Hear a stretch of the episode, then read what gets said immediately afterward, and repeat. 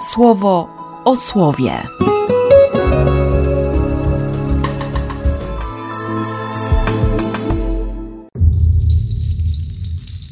Dwudziesty czwarty marca, środa.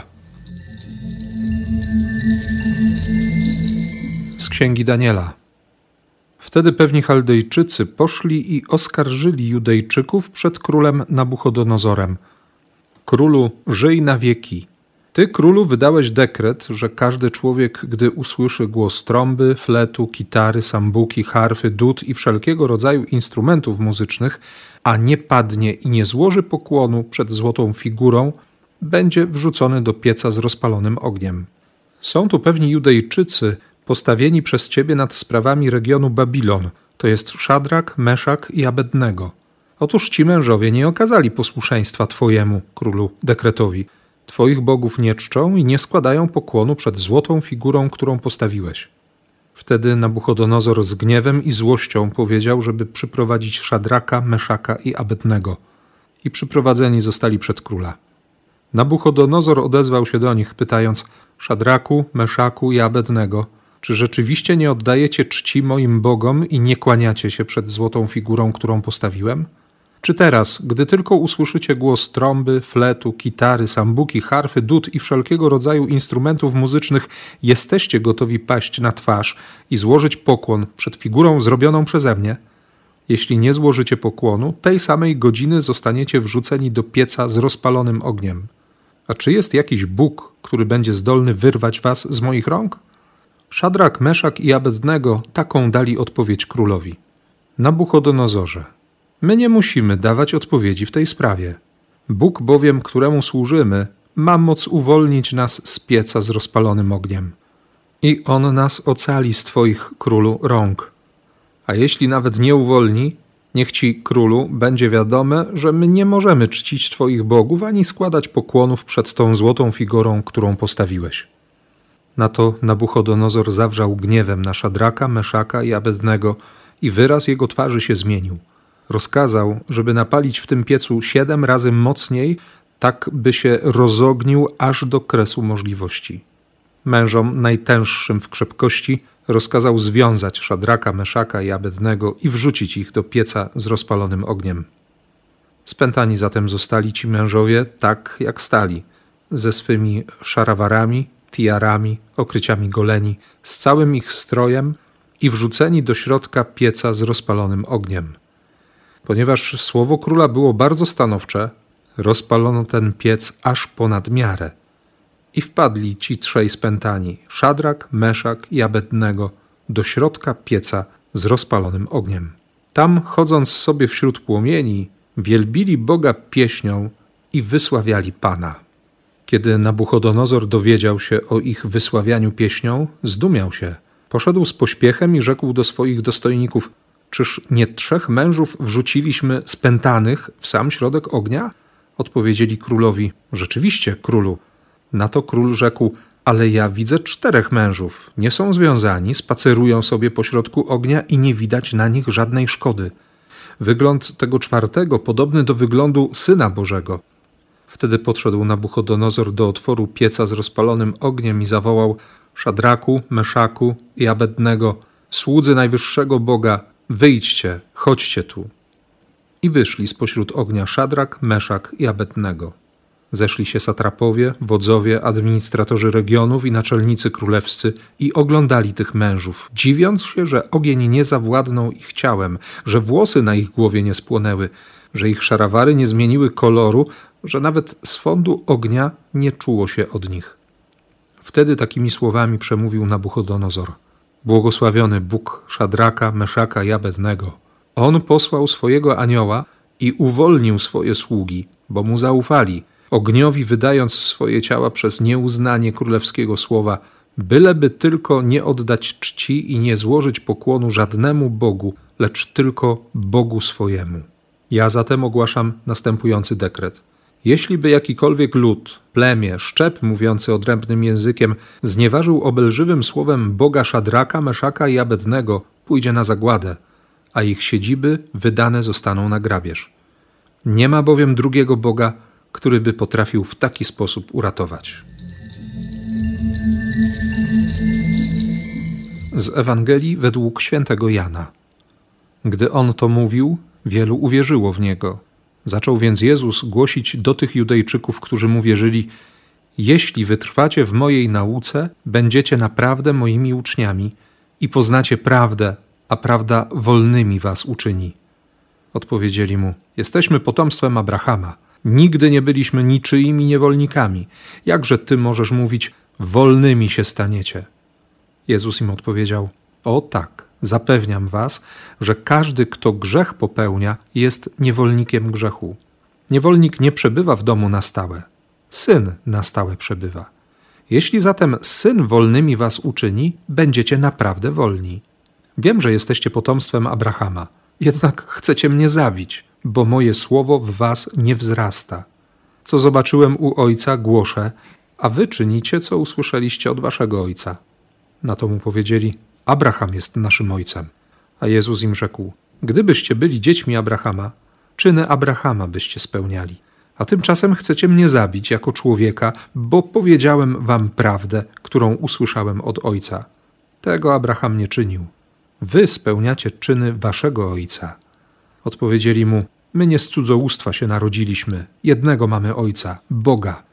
Jezus rzekł im na to: Gdyby Bóg był waszym ojcem, miłowalibyście mnie, bo ja od ojca wyszedłem i przybywam. Nie od siebie samego przyszedłem, lecz on mnie posłał. Dlaczego nie przyjmujecie mojej mowy? Bo nie potraficie słuchać moich słów. Wy macie diabła za ojca i wolicie spełniać pragnienia tego waszego ojca. A on od początku jest zabójcą człowieka i nie trzyma się prawdy, bo w nim nie ma prawdy. Gdy kłamstwo głosi, z siebie głosi, bo kłamcą jest i ojcem kłamstwa. A że ja prawdę mówię, nie wierzycie mi. Kto z was może mi zarzucić grzech? Jeśli prawdę mówię, dlaczego wy mi nie wierzycie? Kto jest z Boga, słów Boga słucha.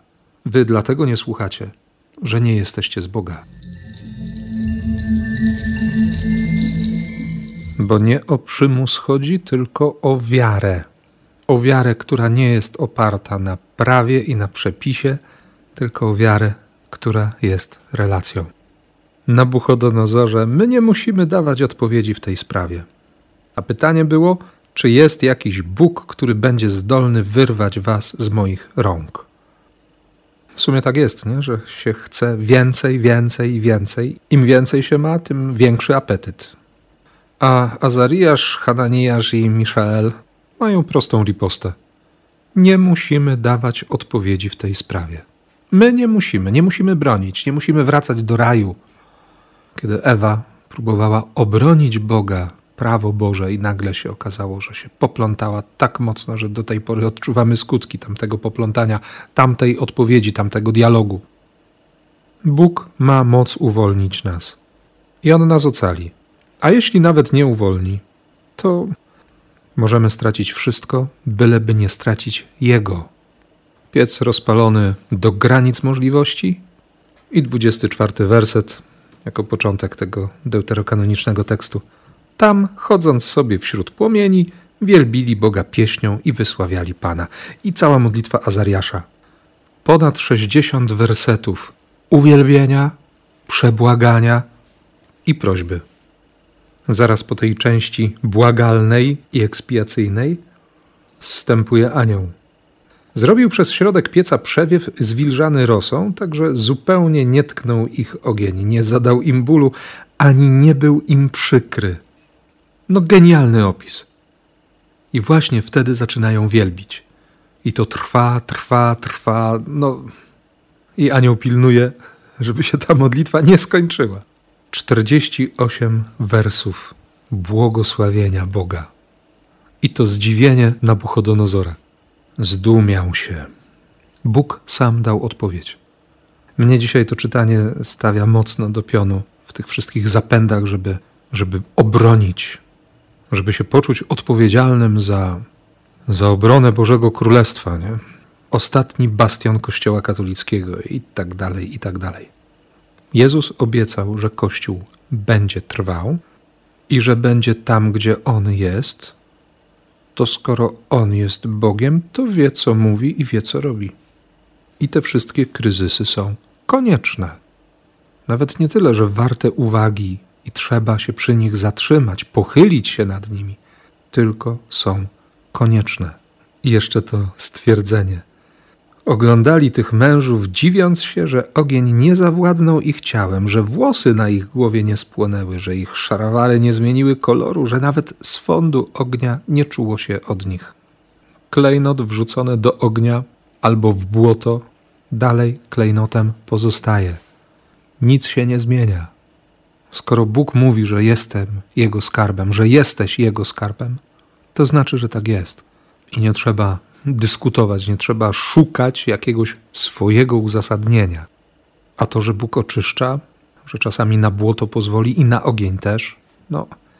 Dzisiaj u Jana w ósmym rozdziale Jezus mówi do tych, którzy uwierzyli mu. Jeśli wytrwacie w mojej nauce, będziecie naprawdę moimi uczniami. Poznacie prawdę, a prawda wolnymi was uczyni. Tak, prawda was wyzwoli. Najpierw wyzwoli rozmaite reakcje i to za chwilę się będzie działo. No jutro nie usłyszymy tego kolejnego słowa, więc dobrze jest pójść za ciosem i usłyszeć o tym, że ci, którzy uwierzyli Jezusowi, po chwili rozmowy zaczynają go upokarzać. Czyż niesłusznie mówimy, że ty jesteś Samarytaninem i że masz złego ducha? I jeszcze to zakłamywanie rzeczywistości. Kohorta rzymska przyjechała na Paschę. Patrole Rzymian chodzą po ulicach świętego miasta, a oni mówią: Nigdy nie byliśmy niczyimi niewolnikami. No na mózg padło. Jezus wyjaśni: Każdy, kto grzech popełnia, jest niewolnikiem grzechu, więc potrzeba wyzwolenia. Obraz jest bardzo jasny. Niewolnik nie przybywa w domu na stałe, syn na stałe przebywa. Jeśli zatem syn wolnymi was uczyni, będziecie naprawdę wolni. Ale potrzeba tego aktu, potrzeba tej decyzji ze strony syna. No i syn się zdecydował.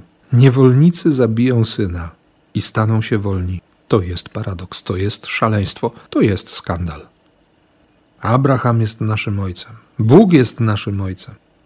Trudno się słyszy rzucone w twarz Wy macie diabła za ojca i wolicie spełniać pragnienia tego waszego ojca. A on od początku jest zabójcą człowieka. Nie trzyma się prawdy, bo w nim nie ma prawdy. Kłamcą jest i ojcem kłamstwa. Nie będzie tak, że usiądę kiedyś, że usiądziesz kiedyś wygodnie i powiesz: To już wszystko. Teraz już wszystko wiem.